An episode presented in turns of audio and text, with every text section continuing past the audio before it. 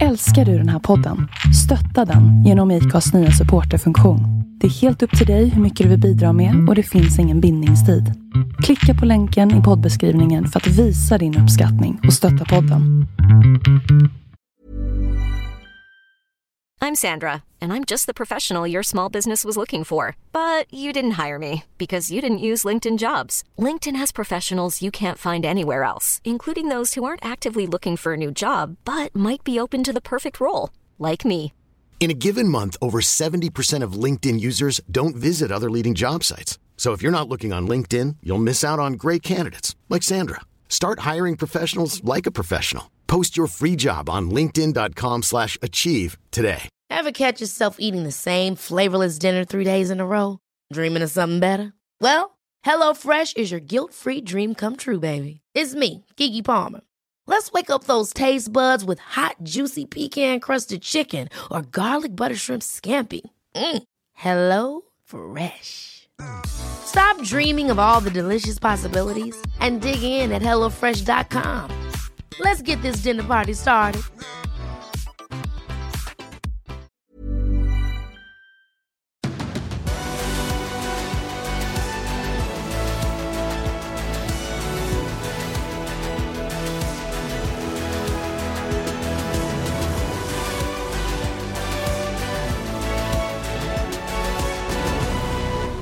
Racevecka.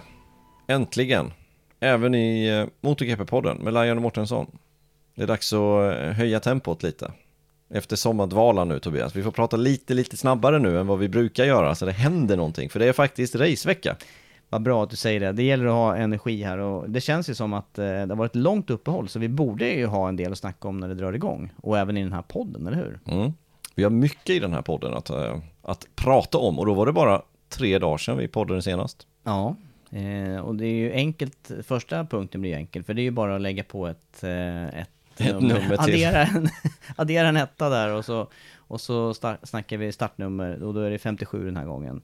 Eh, och sen så har ju du varit duktig på att eh, fånga upp lite lyssnarfrågor. Mm. Exakt. Så det blir en, eh, en punkt i sig. Det blir en fråga, Mm. tänkte jag säga. Men en, ja, flera frågor men samma ämne. Ja. Mm. Och sen eh, måste vi ju se fram emot eh, Silverstone och eh, kanske någon kort nyhet också däremellan.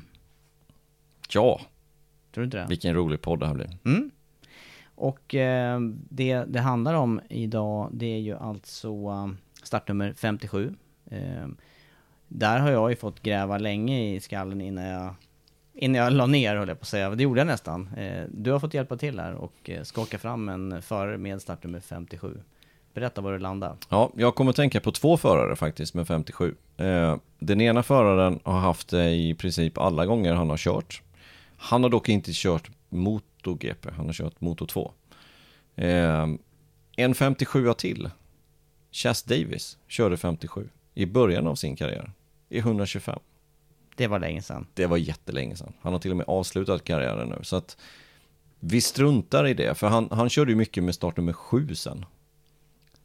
Det, det Ehm, känns mer bekant faktiskt. på Ja, exakt. Mm, På nej. Ducatin där. Ja. Nej men, eh, vem har du då på 57 som har åkt eh, Moto 2 då? Ja, eh, Edgar Pons har haft nummer 57 och har kört Moto 2. Kommer från en namnkunnig familj får man väl säga det, Pons-familjen som har eh, fostrat en hel del racerförare. Ja, Sito Pons är pappa Mm. och Axel Pons är brodern. Ja. Så det är Men, eh, mycket att brås på. Mm, exakt. Och han är inte så gammal, han är född 95.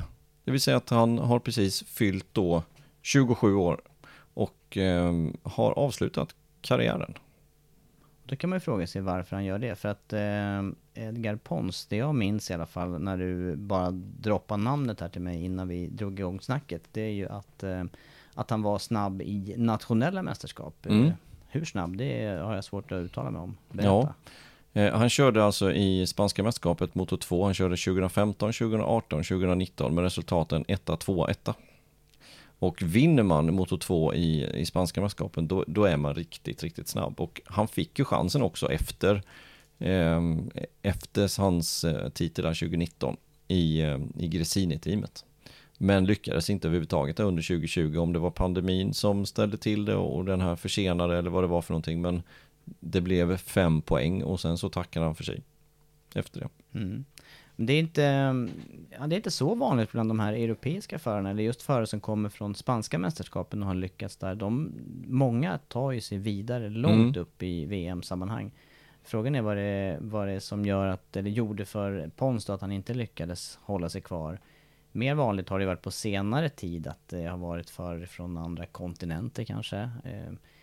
Aningen svårare har vi ju sett för förare som kommer från de här uh, asiatiska talangserierna eller asiatiska mästerskap att uh, lyckas i VM-sammanhang. Mm. Ja, exakt. Men är det inte ganska är det inte ganska typiskt en, en son till en teamchef som på något sätt inser att ja, men jag kommer komma hit men inte längre och då bara helt plötsligt lägger ner. Jag tänker på Niklas Ajo till exempel. Ja, ja. Också, Han, han var ju ändå på bra nivå tycker Absolut. Mm. Man kommer till en viss nivå och sen så kanske man själv känner att Nej, men jag, jag har inte här mer att göra för man är på något sätt insyltad i serien sen man föddes. jag. Mm, ja. Och sen inser man att nu är det färdigt. Ja. Kanske klokt också. Man, har en annan, man, man kan ha en annan eh, väg efter avslutad karriär. Det har ju åtminstone Niklas Ajo haft och, Mm. och jobba vidare i teamstrukturen. Och det borde ju finnas de vägarna för Edgar Pons också. att Ta, Mm. ta vid, alltså ha sitt levebröd från racingen fast inte som förare. Absolut. Niklas Ajo som är crew chief för eh, Joe Massia Mm. i Moto 3. Och I, i sin, sitt pappas team då, Ajo. Men det är intressant det här och det här är ju, tycker jag, det, det är en bra inledning på den här podden för att eh, vi ska ju snacka vidare med en specifik lyssnarfråga. Och eh, just det här med hur tar man sig vidare inom mästerskap? Vad, är, det Mm. för, vad är det för fråga vi har att, behandla idag Andreas? Ska, ska vi lämna Pons då? Ja, för jag tycker det, för Ja. att vi har inte särskilt mycket, eller jag har inte mera att säga om honom. Han har ju lagt ner och han är...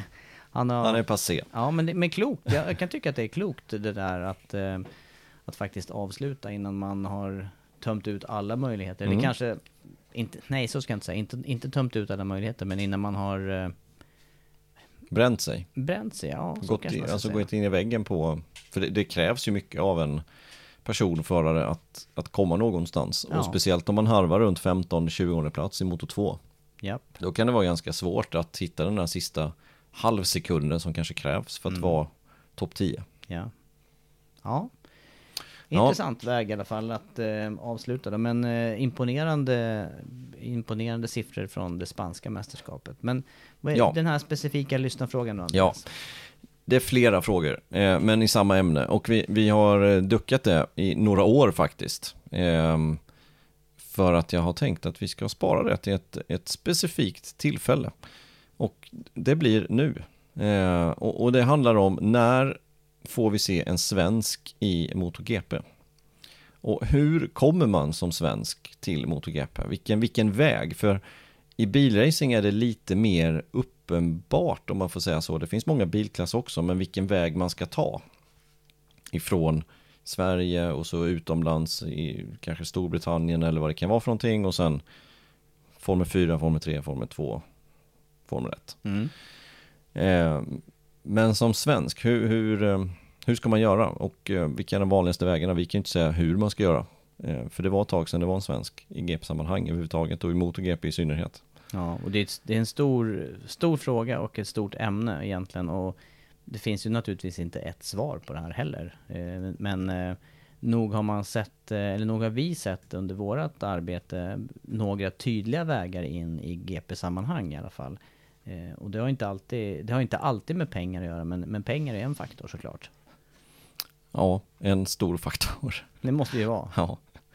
Men eh, vi har faktiskt med oss en gäst också den här, eh, den här podden, så vi, vi kommer få höra honom lite senare.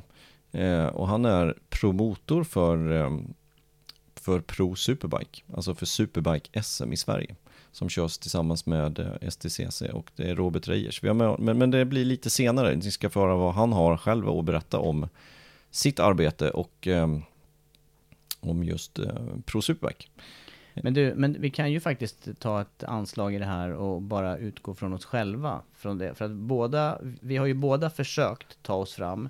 Eh, du mycket tidigare än vad jag gjorde och jag på mycket senare i livet och det har vi snackat om i podd tidigare när vi har pratat om våra karriärer men vad, hur tänkte du själv som ung och eh, motorcykelförare som ville bli snabb? Va, vad hade du själv för idé och tanke från start? Ja, jag hade inte någon tanke. Jag ville bara dit, men jag visste nog inte riktigt hur jag skulle ta mig dit. Sen blev det lite mer Eh, öppet så att säga hur man skulle ta sig dit i mitt läge. Man skulle gå via, jag körde ju 250 på den tiden, man skulle gå via 250, man skulle göra wildcards, alternativt köpa in sig ett team och göra bra resultat och sen bygga på det. Det var ju den strategin som jag blev tvungen att ta, för det fanns inga sådana här talents cup som det finns idag. Och jag, för att svara på den här frågan, det, det är extremt svårt. Eh, när får vi se nästa svensk i MotoGP? Ja, det kan vi inte svara på. Det är helt omöjligt. Det är ingen på gång just nu, men, men det kommer vi till lite senare. Men, men som, som jag skulle säga så finns det två vägar. Om man är riktigt ung, då, då är det att göra bra resultat. Alltså först börjar man ju med minimoto och så vidare. Eller någon annan typ av sån serie. Eh, och, och sen så tycker jag att Supersport 300 i Sverige är en väldigt bra plantskola. Och Supersport 300 nu, det handlar ju om att köra motorcyklar med, det är produktionsbaserade motorcyklar från till exempel Yamaha, Kawasaki. Jag vet faktiskt inte vilket fabrikat som har de vassaste just nu. Det brukar ju vara eh, en eller två cyklar som, alltså en eller två fabrikat som ja. utkristalliserar sig där som starka. Och så utgår man ifrån en sån cykel för att där är det inte så himla dyr startkostnad att inleda sin karriär Nej. på. Och, och det är som, som du säger, det är just um, Kawasaki och Yamaha som, som är i toppen på mästerskapet. Jag sitter och tittar på tabellen faktiskt på just um, den svenska serien som, som är just Supersport 300 för juniorer. Det är alltså en klass som är öppen från det att du fyller 13 år. Du kan till och, med, till och med få dispens om du är 12 och har kört minimoto en full säsong året innan. Så kan du alltså börja köra i Supersport 300 juniorklassen eh, det året du fyller 12. Så att man kan börja väldigt, väldigt ung. Och sen handlar det om givetvis att göra bra resultat där. Det, det är ju en bra skola. Ehm, och, och, som sagt, är man ung så skulle jag börja i den klassen. Och den klassen finns ju också att, eh, att bygga vidare på om man nu inte automatiskt kommer vidare till någon av de här talangserierna och där är ju, tycker jag, Red Bull Rookies Cup den tydliga vägen och som vi ser eh, också led för in i GP-cirkusen. Men, men just Supersport 600 finns ju på eh, VM-nivå också. Jag vet inte ja. om det klassas som ett världsmästerskap eller om det är en kupp. Men det, det... Vilken Supersport 600? Eh, för jag säger fel, Supersport 300. Jo, det är faktiskt också VM sedan några år tillbaka. Så det finns ju faktiskt sex VM-klasser nu. Det är ju Moto 3, Moto 2, Moto GP, 300, 600 Superbike. Eh, och sen finns det ju Endurance också. Mm. Men i, i sprintrace så är det sex VM-klasser. Eh, men som sagt, är man ung, eh, då skulle jag säga att det är den, den vägen som du säger där. Supersport 300 eh, och, och sen ansöka då för att få köra i till exempel Red Bull Rookies Cup. Eh, det skulle jag säga är den, den absolut bästa plantskolan och den, den billigaste plantskolan. För är du riktigt bra i, i att bli utvald i Red Bull Rookies Cup, då kan du faktiskt komma till GP. Det är ju, det är ju på den nivån. Eh, och jag satt och tittade lite vad man behöver att göra för att kvalificera sig till just Red Bull Rookies Cup. Och inte superlätt, men ändå möjligt. Eh, och den, öppning, den, den ansökningsprocessen är faktiskt öppen just i detta nu. Eh, stänger den 31 augusti. Så att den är öppen ytterligare någon månad här. Och, och, för de som kan söka nu, det är de som är födda mellan 1 januari 2005 till sista mars 2009. Och det har ju med att göra att du ska vara 14 år när säsongen drar igång. För då räknar man med att säsongen drar igång efter 31 mars helt enkelt. Eh, och då är man alltså 14 år eh, och drar igång den här serien. Det är ju en jättebra serie. Ja, och där har vi ju sett förare från Sverige tidigare, från, eh, från de nordiska länderna och vi har ju framförallt sett förare som eh, vinner det här, den här kuppen, går vidare till, eh, till Moto 3 då, eller tidigare var det ju 125. Så att, och, och gå också hela vägen till MotoGP. jag tittar på förra årets resultat. Vann gjorde David Alonso, han har vi sett i GP-sammanhang. Tvåa var David Munoz. Var det inte Munoz som, eh, som blev tvåa här för eh, något race sedan? Jo, i I Moto3. Barcelona. I Barcelona. Trea blev Daniel Olgado. Han kör för just eh, KTM, Red Bull, Mm. IO-teamet. Ja. I fabriks-KTM är det ju, det är en Mm. riktig sån styrning. Ivan Ortola blev fyra, han har vi sett där. Eh, Diogo Moreira blev sexa i det mästerskapet. Han har kört där, han kör ju Moto 3 idag. Eh, Matteo Bertel blev sjua i mästerskapet förra året. Så är du i toppen av Red Bull Rookie så har du en bra möjlighet att komma in i Moto 3 GP. Mm. Eh, och eh, ja, som sagt var, det här är ju eh, än tydligare idag tycker jag än vad det var från, från början. För då var det kanske någon enstaka eller ett par enstaka.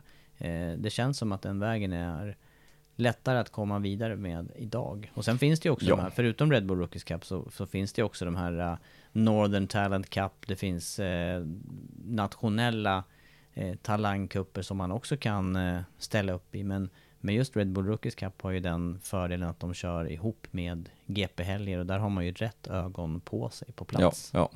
Eh, jag sitter och tittar på 2020 års ställning Red Bull Rookie. Nu är jag s- s- ja, inne på resultatlistan. Men etta blev ju Pedro Acosta.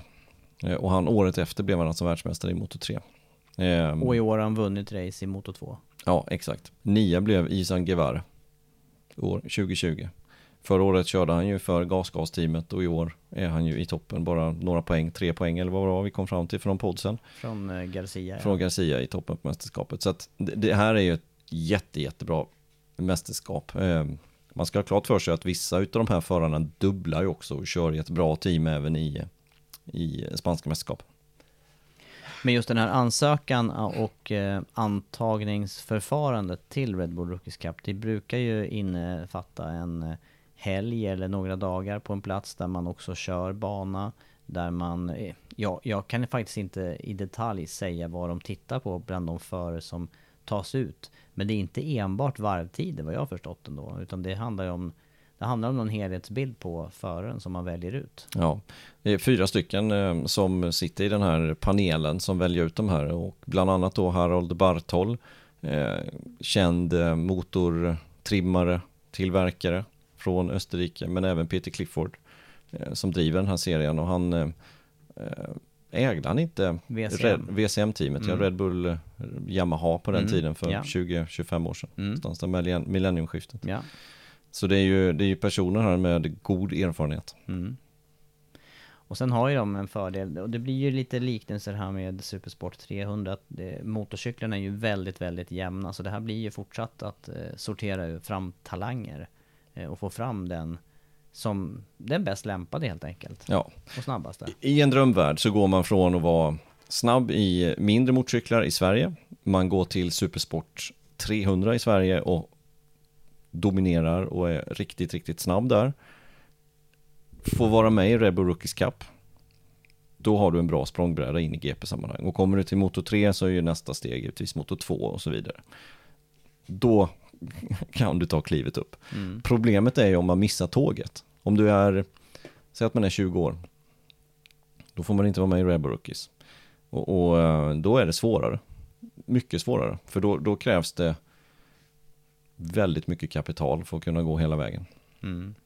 Och eh, jag tänker också på att eh, eh, som du säger, det, det är ju, ska, ska du som sagt vara in till MotoGP just, då är det ju få som kommer in senare än 20. Jag menar, Ja. det finns ju de nu som vi vet har varit världsmästare vid den åldern redan. Så att man kommer ju inte in och börjar där Nej. i den åldern. Och frågan gällde ju faktiskt MotoGP, så det är det vi pratar om här. Sen finns det ju givetvis andra VM-klasser som är fullgott. Mm. Eh, Men, men just i MotoGP, då, då är det svårt om du är, om man är 20 eh, och, och bästa, bästa skolan skulle jag säga att det är att du är riktigt snabb nationell nivå hemma, supersport eller eh, superbike. Ja, och jag, för min egen del, nu- för nu slog det mig, jag började ju på tok för sent och det hade jag andra anledningar men jag, jag eh, eh, hade aldrig ens en tanke att jag skulle kunna åka GP. Det var ju naturligtvis en, en, en dröm bara att se GP-tävlingar för mig när jag växte upp. Eh, men däremot så, så tänkte jag snabbt att jag, jag kommer aldrig hinna vänta i och med att jag började när jag var 27 eller någonting sånt. Så hinner jag ju inte vänta på att jag ska bli mästare hemma i Sverige på någonting. Och utan lite slumpartat fick en chans att åka endurance-tävlingar. och sen, så höll, sen var jag ju helnöjd med att göra det. Mm. Så att, och där finns det ju fortfarande, eh, där finns ju fortfarande förare från Sverige som tar sig ut och kör på i endurance-VM och där har ju, det har fått ett uppsving på senare år och, och där har vi ju Jesper Pellief för närvarande Mm. som åker. Så det är ju, och det är ju hög nivå. Det finns ju förare både på väg upp i sin karriär och på väg tillbaka från GP-sammanhang Ja. i just endurance-VM. Och han kör ju för, för Bolliger, som du också körde för, men det är ju ett, ett eh, välkänt bra team i endurance-sammanhang.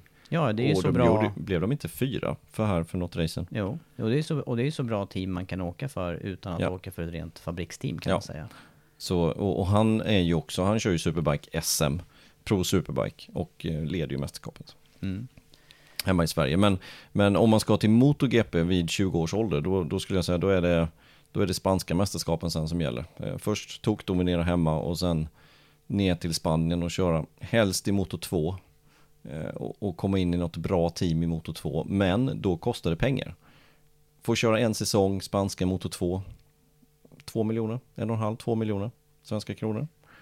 Eh, och du kommer inte vinna det första året. Det är svårt. Så då, ska man ha en, då ska man ha en liten... Ja, du eh, kanske mer- ska ha en, en, helst bara två år. Men då ska det vara alltså ytter, alltså toppen efter två år. Och, och sen försöka komma in i GP Moto 2 i så fall. För Moto 3 lär vi vara för sent vid det laget. Utan då är det Moto 2 som gäller. Ehm, och vi såg här, vi pratade precis om Edgar Pons som har varit dubbelmästare i spanska Moto 2. Som har lagt hjälmen på hyllan på grund av att han inte riktigt ja, är tillräckligt snabb helt enkelt Nej. i Moto 2-VM. Så att, men det är den vägen som är mest trolig skulle jag säga. Om man ska in i MotoGP, det är klart att det finns andra vägar. Du, du, man, kan, man kan hoppas på IDM Superbike eller British Superbike eh, och gå via Superbike-stegen och sen försöka hoppa över från Superbike till kanske direkt till antingen till Moto 2 eller till MotoGP. Men det är en, det är en risky väg där, för det, det, är, det är svårt också. Mm. Och det är kanske ännu mindre nålsöga att komma in den vägen också. Ja, jag tror det. Det, åtminstone har det ju utvecklats åt det hållet, att man hellre kommer ifrån de yngre eller lägre GP-klasserna Mm. in till MotoGP. Mm.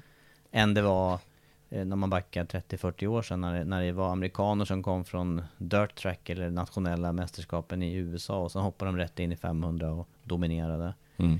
Men det, det ser vi ju inte längre på samma sätt. Det är några få. Det skulle ju vara intressant. Vi hade ju det ämnet här också nyligen med eh, Toprak till exempel. Eller Jonathan Reyes som vi har sett eh, prestera bra med Superbike-bakgrund. Men det hör ju till undantagen. Mm. Ja, det gör det. Men jag satt um, för skojs skull bara och, och jämförde lite grann med hur många förare det finns. Och eh, i Sverige har vi alltså 60, 6-0, licensierade elitförare. Det vill säga som någon som kör i en SM-klass. Och vad handlar det om totalt då? För de som, det måste ju finnas de som har licens och kör utanför Ja, SM-klasser också. och, och senior som inte är elit så att säga och juniorer och classic och så vidare. Så ungefär 500 licensierade förare totalt sett i Sverige. Eh, men, men åter till de här 60, elit. elit. Så tittade jag hur många spanjorer bara det fanns i, i GP. Alltså Moto 3, Moto 2 och Moto GP. Där hittade vi 28 stycken. Ja, för det är ju, jag tänkte på det också, ja det är ju, det är ju det är svindlande hög siffra när man tänker på att det är eh, i, i tre klasser som du säger. Eh, och det ser man ju också, för vi får ju statistik inför våra sändningshelger där med, med stapeldiagram och då drar det ju alltid iväg den stapeln som, som, där det står Spanien under, den är ju alltid Ja, Hög och eller detta, högst? detta var sista, senaste racet jag tittade på Assen. Eh, Så det kanske skiljer lite beroende på var det är någonstans. Men Men det slog mig en sak också när vi pratar om de här spanska mästerskapen, för där ska man då göra något resultat, komma från ett land utanför Spanien och göra resultat, då har man ju också saker emot sig när det gäller att eh, inte känna till alla banor i början och eh, bara det och göra eh, och ta sig hela vägen upp då. Det kanske krävs två eller tre säsonger innan man är fullt bekväm och har tillräckligt mycket erfarenhet från de banorna Mm. för att göra väl ifrån sig. Du har ju själv kört i spanska mästerskapen i i Superbike antar jag. mm, det är tufft. Det är riktigt tufft. Jag kan tänka mig det. Det, de, de är snabba. De är riktigt, riktigt snabba. Men hur såg eh, teamstrukturerna ut också då? Är det, är det så pass mycket, eller många ska jag säga, professionella team som driver, som, som lever på den verksamheten? Så Ja. att man, eh, då, då är det också en annan parameter där att ta in. Eh, för det saknas ju i många fall, åtminstone så gjorde det när jag körde här i Sverige och jag antar när du slutade köra så, så försvann ju mycket av den kunskapen som du hade kring ditt, ditt team levde ju inte vidare efter du slutade antar jag. Nej, utan, eh, nej precis. Och eh, så är det ju i Spanien givetvis att eh, det lever ju kvar i det att de som håller på där, de är professionella helt enkelt. Teamen är riktigt, riktigt bra. Och ofta är det juniorteam till de som kör i GP eh, som, som kör där. Så att eh, det, det är bra nivå på det. Och det var ju en svårighet tidigare när, när vi körde, att där visste man ju inte alltid heller vilka team som, eh, som var bra fullt ut eller som var bra finansierade eller som hade, det var ju ännu svårare på 250-tiden antar jag där att få rätt grejer också att åka på. Eh, Det, det var ju också många svårigheter som, som kanske inte är på samma sätt idag i Moto 2 där det är ett jämnare reglemente. Mm. Eh, Men, men trots det, när det är jämnt reglemente och, och jämna förutsättningar så, så krävs det något extra av teamet för att hitta den här lilla skillnaden Mm. som ska avgöra i, till dig då som Så är kör. det. Så är det. Sitter och tittar lite på resultatlistan här sen förra året i, i Moto 2 just i Spanien. Eh, Aldego Ervan före Alonso Lopez. Det är ju bra namn i, i GP-sammanhang idag. Ja, ja, absolut. Men eh, Ja, det är, det är svårt att ta sig dit. Och sen dessutom eh, så eh, ska du ta den vägen via Spanien så, så kostar det pengar. Så enkelt är det. Eh, och eh, där faller det för de flesta.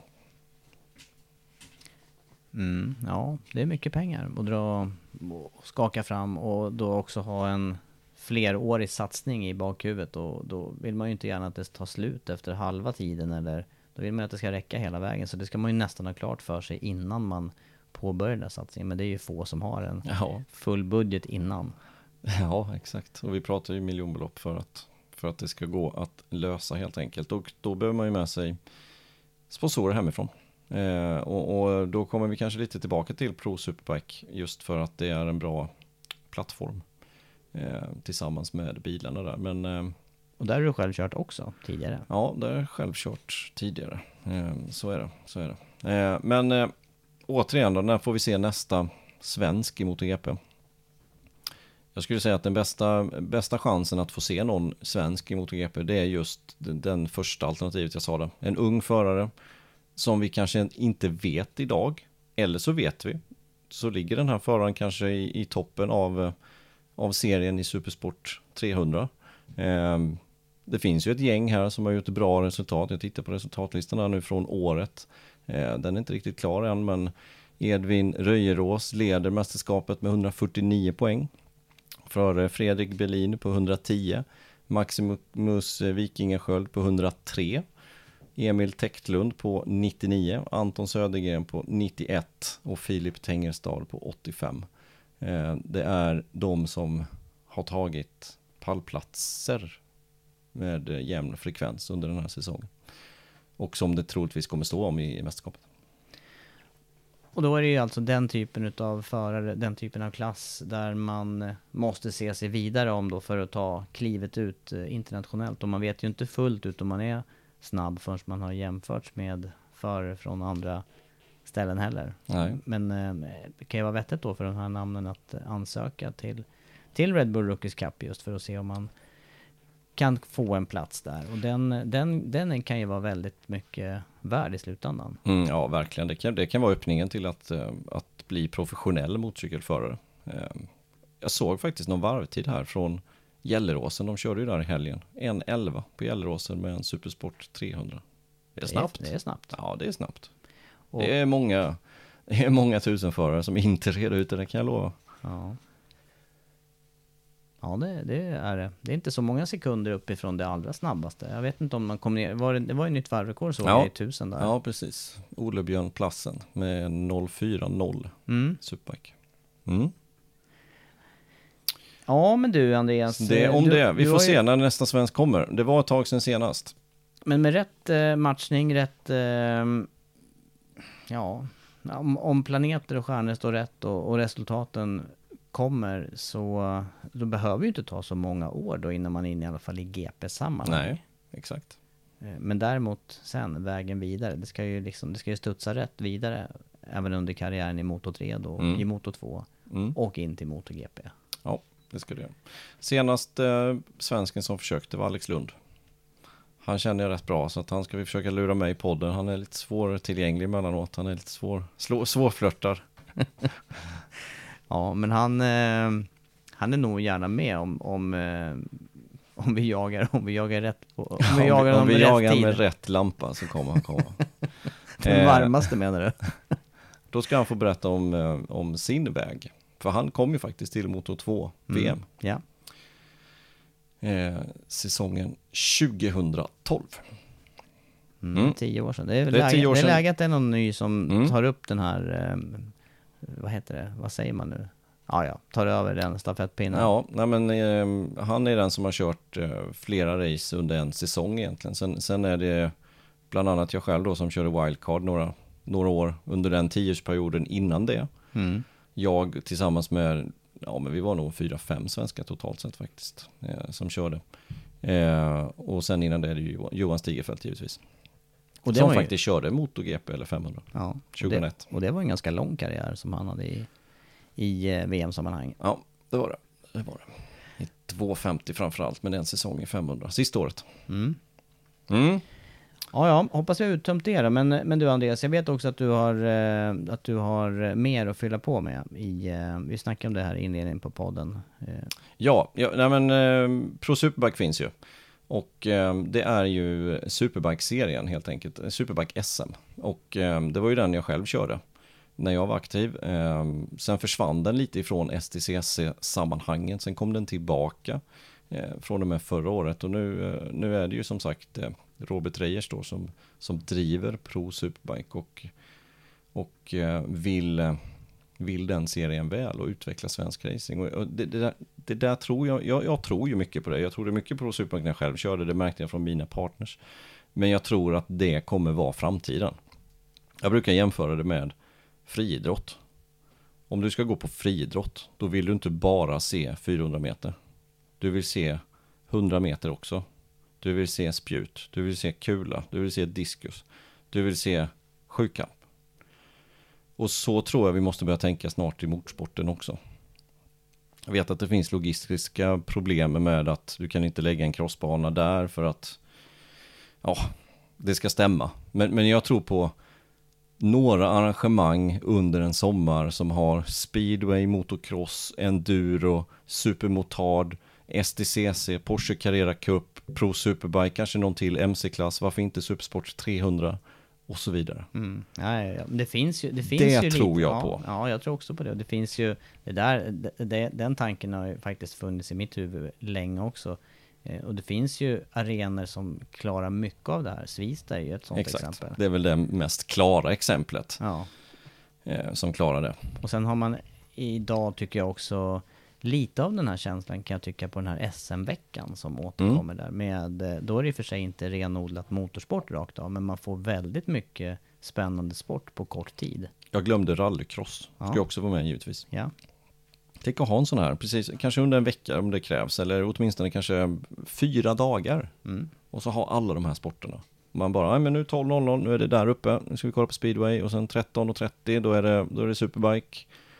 Då tror jag man hade fått mycket folk. Visserligen det är många som ska dela på kakan också, men då kan man ändå säga till sin sponsor att det var 35 000 på den här arenan. Mm. Sen om det var 5 000 som tittade på dig eller mig, det spelar ingen roll. Det var 35 på området. Mm. Absolut. Nej, tilltalande. Det hade, ju, det, hade ju, det hade jag lätt åkt på kan jag säga, om det fanns. Ja, ja men exakt, det är ju så. Men där är vi inte än. Men jag tycker vi ska, vi ska lyssna på det samtal som jag hade med, eh, med Reyers, så får han, eh, så får han berätta lite själv helt enkelt om, eh, om satsningen som man gör nu tillsammans med STCC och Pro Superbike. Då har vi med oss Robert Reyers, nyss Halloj. hemkommen från uh, Gelleråsen va? Är det inte så? Stämmer bra. Vi har precis rundat av eh, deltävling 4 Pro Superbike som vi har kört med eh, klassiska Road Racing SM eh, den här helgen. Så att eh, jag har lite sviter på, på, på rösten. Jag har gapat och skrikit. Cirkusdirektören. Nej, men det sitter lite i stämbanden så kanske därför som jag låter lite extra basröstig idag. Det, det är sådär ibland, man åker på sommarförkylningar. Ja, men kan du inte berätta lite om svensk roadracing och din roll i det hela? Alltså jag är ju... Det är ju lite en blandning här. Dels så har jag, jag är liksom rent professionellt så är jag ju sälj och marknadsmänniska och har jobbat med det hela mitt liv. Eh, jag kastade mig in i det här med roadracing och, och har gått den här vägen med speedster och rookie och även tävlat ett år i superbike och, och sen så har jag väl försökt att kombinera mitt, mitt, min marknadskunskap med själva roadracingprodukten för jag tycker att produkten i sig är så fantastiskt spännande och bra och jag skulle vilja försöka kommersialisera den. Eh, så där någonstans eh, möttes min profession med min hobby, min hobby och min passion. Och eh, där någonstans i någon, på några mörka vägar i Småland på vägen hem från någon roadracingtävling förmodligen så, så började det här med Pro Superbike, eller egentligen inte Pro Superbike, men att liksom hur ska vi kommersialisera produkten? Den är för bra för att eh, inte lyftas upp och hamna i finrummet liksom. Och var, var står vi idag? För i, idag har vi ju med Pro Superbike, alltså två olika serier. Vi har serier, vi har det vanliga Road Racing SM med de vanliga klasserna ja. och sen har vi också Pro Superbike. Kan, kan du förklara skillnaden? Det, det är egentligen skillnaden för föraren, själva utövandet är ju när du står på banan är ju ingen, egentligen ingen större skillnad utan skillnaden är ju inramningen, allting runt omkring. Eh, för att eh, jag letar ju efter egentligen, ska jag säga för arenan eller själva plattformen, den kommersiella plattformen. Och ganska snabbt så insåg jag att den fanns ju, men den fanns liksom inte i motorcykelsporten, men den fanns, fanns ju inom bilsporten. Så då tänkte jag tillbaka till de här storkanonerna som hette Mårtensson, Backlund och så vidare på gamla goda tiden när det var STCC. Och eh, så jag kontaktade STCC och frågade om det skulle kunna gå och, och på något sätt väcka det här till liv igen och de, blev, de var jätteintresserade. Så där någonstans så, så lyfte vi in motorcyklarna på den arenan, på det, liksom i STCC. Så där någonstans började det. Så själva utövandet för han som kör påminner ju väldigt mycket i, om oavsett vart du kör någonstans. Det är bara det att det finns helt andra möjligheter så som jag ser det att, att kommersialisera både produkten, Pro Superbike, men även för föraren att bjuda in sina egna små sponsorer och komma till en, till en arena där det kanske finns möjlighet att gå in och sätta sig och ta en kopp kaffe. Det kan finnas eh, läktare, det kan finnas en familjehörna, det är lite flyguppvisningar och, och, så vidare. Så det blir mera, det blir en större cirkus, en helt annan möjlighet att, att, att uh, ja, bjuda in sina, sina partners. Och synas, givetvis då. Och, och, och synas, synligheten, precis. Tar vi lite historiskt där så, så var det ju, det hette ju Synsan Trophy från början och det började ju i början mm. på 00-talet och höll på fram till 06 och då var det ju 600 då som STCC-cirkusen hade som, som motorcykelklass med deras arrangemang. Eh, och sen från 2007 så blev det ju Superbike eller 1000 kubik och det var ju då jag hoppade på det tåget och sen körde jag ju där fram till 2012 som alltså var sista året med Pro Superbike tillsammans med STCC. Eh, och, och sen försvann Superbike SM ifrån eh, STCC-cirkusen för det var ju ganska eh, rörigt inom STCC också på den tiden med, med, med, olika utbrytare, serie och vad det var allt. Så, så från sista året som, som jag körde alltså det, det var 2012 och sen, sen har det inte varit sen, ja, tills du drog igång det här då förra året. Säger jag rätt? Ja, nej, men vi hade två testtävlingar förra året och, och, och, så vi ser väl det här som vår första säsong. Absolut. Så konceptet har ju funnits förr och fungerat i alla fall när jag körde, väldigt bra förr. Och vi, jag försöker liksom, naturligtvis är det ju helt galet att inte titta på vad som funkade förr, så jag försöker anamma mycket utav det. Eh, för att ta med det in i, in i, i det som vi ska hålla på att skapa nu då. Eh, så så är det ju. Eh, och nej men det känns väl, det var många eh, rygg, ryggdunk och axelklappningar här i, i, i helgen med folk som tycker att, eh, att det ser bra ut och, och liksom att det är vägen att, att eh, gå. Och eh, vi tjuvpratade ju lite innan när vi drog igång podden här idag Andreas och det är ju, det är ju en, det är ju en helt annan eh, jag ska säga, jag använder kommersiell plattform hela tiden, men, men det är ju en annan kommersiell plattform. Eh, det, när vi åker med STCC och som vi kommer göra nu på finalen 19-20 augusti, då kör vi faktiskt både med STCC och med Porsche Carrera Cup. Så då blir det ju två bilklasser som, som kommer att vara på plats. Och det är helt an, en helt annan nivå. Det är bilarna står i raka linjer. Det är tält och det är stjärnkockar på plats som lagar mat. Det är sponsorer och det är liksom, folk kommer ju i kostym och, och vit skjorta. Det är de som är där och tittar. Och det är ju de jag, i förlängningen så är det de jag skulle vilja träffa det är de jag vill liksom bjuda in till på Superbike. Och det är ju de som jag vill att förarna också ska få träffa och knyta kontakter med. Eh, och där, där finns det ju mycket att göra så, så, så, som, jag, som jag ser det idag. Det är väldigt mycket att göra också bland, bland förarna. Att, att våga ta för sig eh, mera. Men eh, det får vi väl eh, försöka också hjälpa till med och träna varandra på. Så, ja men exakt och, och, ja. och, och ett um, Pro Superbike är alltså motorcykelklassen och vilka mer klasser är det som kör under den här, om vi tar en STCC-helg som den i Gelleråsen. Det är alltså bilklassen STCC och sen är det Pro Superbike och vad är det mer för ytterligare klasser som kör? Det, har, det, det skiljer lite från, från bana till bana vem det är som arrangerar. Men i grunden så är det ju STCC, eh, Pro Superbike och sen så är det V8 Thundercar, det är Radical och sen så har du då det här Legends då som är ja, små bilar som kör fort och har väldigt roligt tillsammans. Eh, och vid ett tillfälle i år så har vi då även eh, Porsche Carrera Cup på plats. Eh, tyvärr då så, fanns, så är det någon ytterligare bilklass som faller bort för att de är ju ganska stora och tar mycket tid på banan. Men eh, det är ju banägaren och arrangören som bestämmer vilka klasser som ska vara på plats då. Så eh, jag, jag kommer faktiskt inte ihåg vem det är som tyvärr får falla bort. Formula Nordic har jag också varit med någon gång. Så att det är lite olika, men, men som sagt, det är banägaren eller arrangören som bestämmer vilka klasser som, eh, som får vara med. Och det vi har gjort, eh, vi har gjort väldigt bra saker och, och det har ju då eh, mynnat ut i att vi, vi har en stående inbjudan. Så att det är aldrig så att vi har knackat på dörren och fått ett nej, utan där vi vill vara med, där har vi alltid fått vara med för att produkten i sig som vi började prata om, den är väldigt underhållande. Det är ett fighter på många ställen. Eh, för åskådaren så någon går omkull ute i, damm, ute, ute, ute i sandfållan, eh, dammar till. Det händer väldigt mycket saker när vi kör motorcykel jämfört med eh, bilklasserna där man det finns fighter där också men det, det är liksom inte lika påtagligt. Plus en ytterligare dimension som min fru sa när hon var och tittade.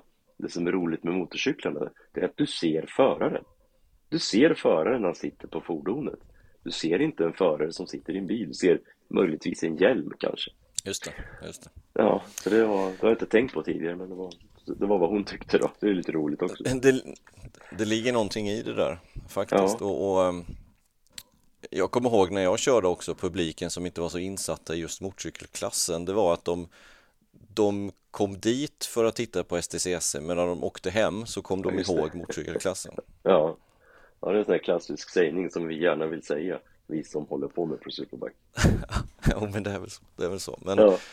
vad är det för serier utomlands då som du kanske kika på, få inspiration ifrån eller som du tror att förare kan kika till och, och köra?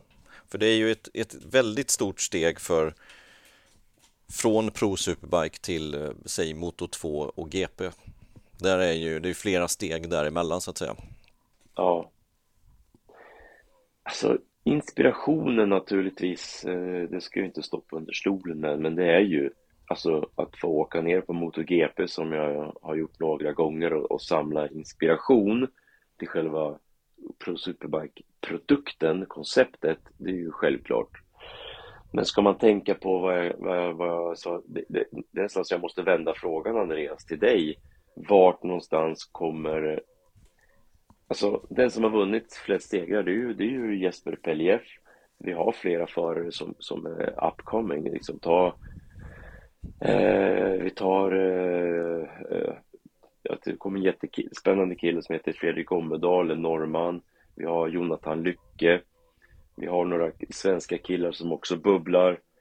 Eh, Jimmy Gällros, eh, ah, flera stycken. Hur långt ska de räcka utomlands? Ja, jättespännande.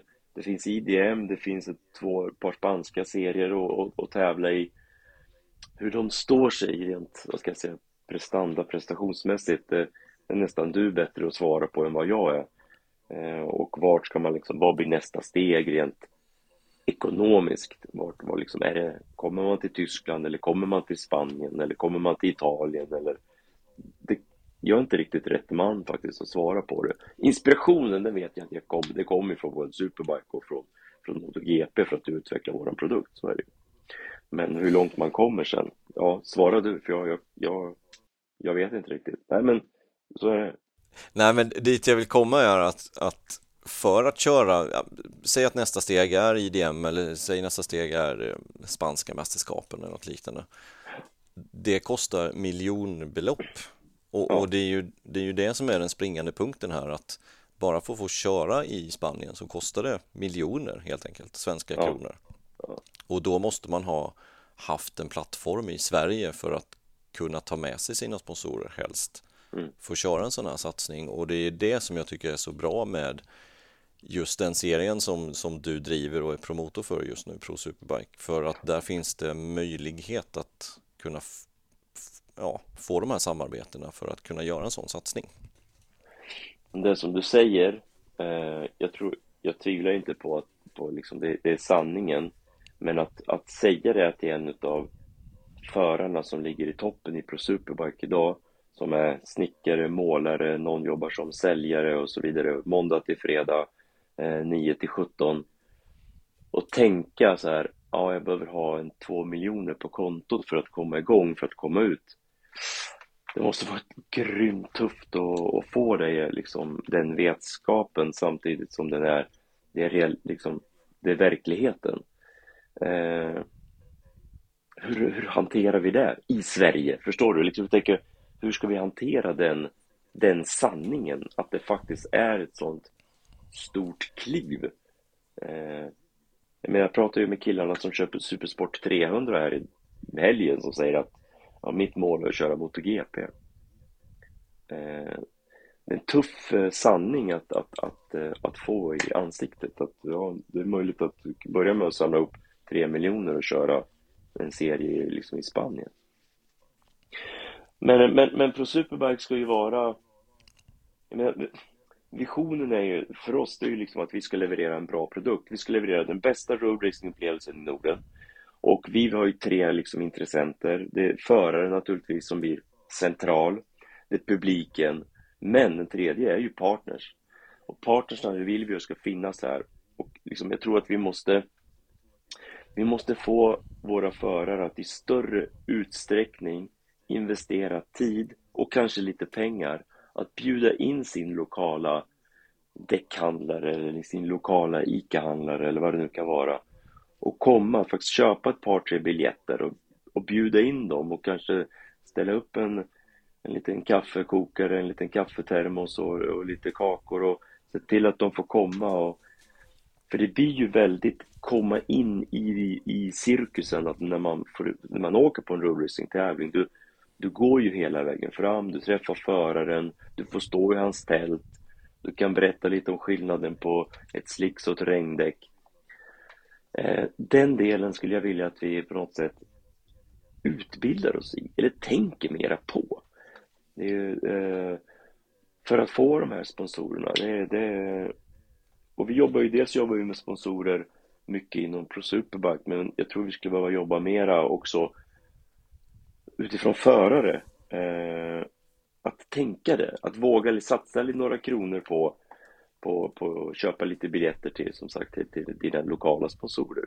Jag ser inte riktigt det. Jag ser det kanske på de, de största teamen här, men att liksom skulle vilja uppmuntra också de, de killarna som ligger lite i mitten eller längre ner i serien att jobba mer med, med sådana incitament.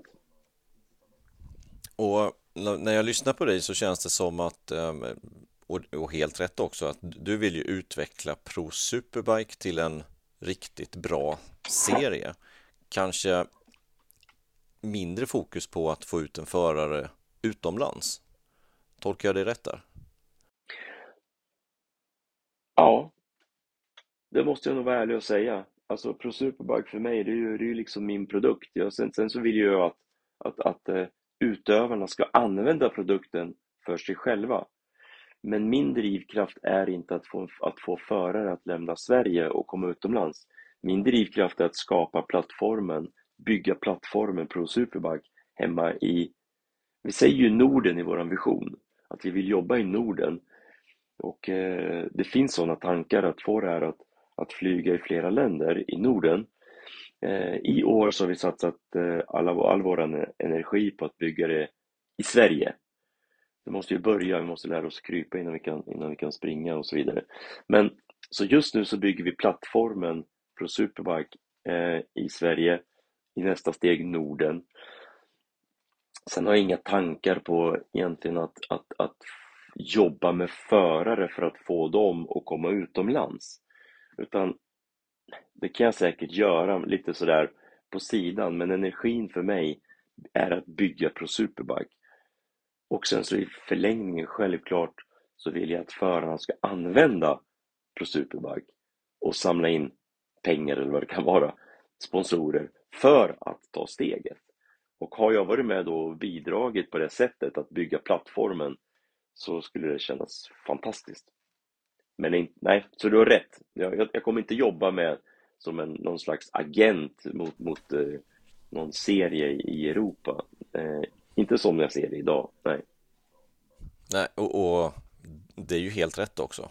Du ska ju fokusera på att driva serien. Det, mm. Så enkelt är det ja. eh, Vad har ni för, eh, för tv-kanal idag? Vill du berätta lite om den? Ja, vi, vi te, själva vad ska jag säga, tv som media har ju varit väldigt, eh, också en väldigt central del i det här. Så eh, den kanalen som vi jobbar med när vi kör med STCC, det är ju en, en, en kanal som de själva har utvecklat som heter STCC+. Eh, en en eh, ja, professionell, skulle jag vilja säga, kanal med, med, med stora bussen och, och möjlighet att och, och slänga in lite repriser och, och, och så vidare. Eh, highlightsen kommer direkt efter loppet, eh, man har lite drönare som flyger, så den produkten blir riktigt bra. När vi kör med Road Racing SM så är det ju, då är det ju mera, då är det ju en Youtube-sänd, en Youtube-sändning som sker utav Mickex och roadracing.se. Eh, där jobbar vi med dem eh, och försöker hjälpa dem med innehåll egentligen. Eh, kvalitetsmässigt så når det inte riktigt hela vägen upp, men det är också två olika det är två olika produkter egentligen. Det är, det är otroligt mycket engagemang, hjärta, passion i roadracing.se. Men det är ju det är ju mer en kommersiell produkt om man säger eh, Motions då, som, som driver STCC+. Så det, det, det, går liksom inte att jämföra på det sättet. Men det är de två, det är de två medierna som vi har. Eh, STCC Plus eh, under STCC-helgerna och roadracing.se alltså, Youtube-kanalen vi kör SM och det är den kanalen som har funnits i, i flera år på, som har jobbat med, med SM och, och, det är en fantastiskt uppskattad kanal också. Så att eh, de, de två kanalerna har, jobbar vi med idag. Nu får vi se om det blir, eh, sen finns det ju någon vision i det här naturligtvis. Och eh, visionen är ju att vi ska, att, att, eh, att eh, SVT ringer och säger Hörru, det här med Pro Superbike verkar spännande. Vi kör igång Motormåndag igen. Eh, där är vi inte, men, men det, det, det är naturligtvis en, en, en våt dröm. Så är det ju. Vad, vad är själva mm, visionen här då, närmsta åren med, med Pro Superbike? Hur, hur ska du utveckla produkten? Ja, vi, vi är ju fyra stycken. Framförallt så är det jag och Emil Almgren som lite har, jobbar med det här mer. Och sen så har vi ju eh, Micke Andersson och Magnus Macke Granstedt som också finns med framförallt under, under helger och, och, och eh, men som också, så vi är egentligen fyra stycken som jobbar med det här. Just nu så är vi liksom i, just nu är vi i event mode. Vi har precis kört tre helger då. Eh, nästan i sträck. Vi har kört tre helger i juli så det, vi har inte, det har inte funnits så mycket tid för att tänka framtid utveckling. Men att jag och Emil har ju naturligtvis pratat om att, som sagt att vi vill, vi vill göra Norden. Vi vill hitta de, eh, den, de ska jag säga, samarbetspartnerserna som vi tror är bäst för att utveckla våran produkt. STCC Plus är den som vi identifierat just nu, eller STCC är den som vi har identifierat som, vi, som har varit enklast för oss att, att, att komma in. Vi, vi uh, bra snack med, med STCC och Micke Bern och hela det gänget Eh, Porsche naturligtvis spännande eh, kanske och sen så hur det ser ut i framtiden, jag vet inte. Just nu så känns STCC som, som den plattformen som känns bäst för oss. Eh, fortsätta i Sverige, göra det här bättre.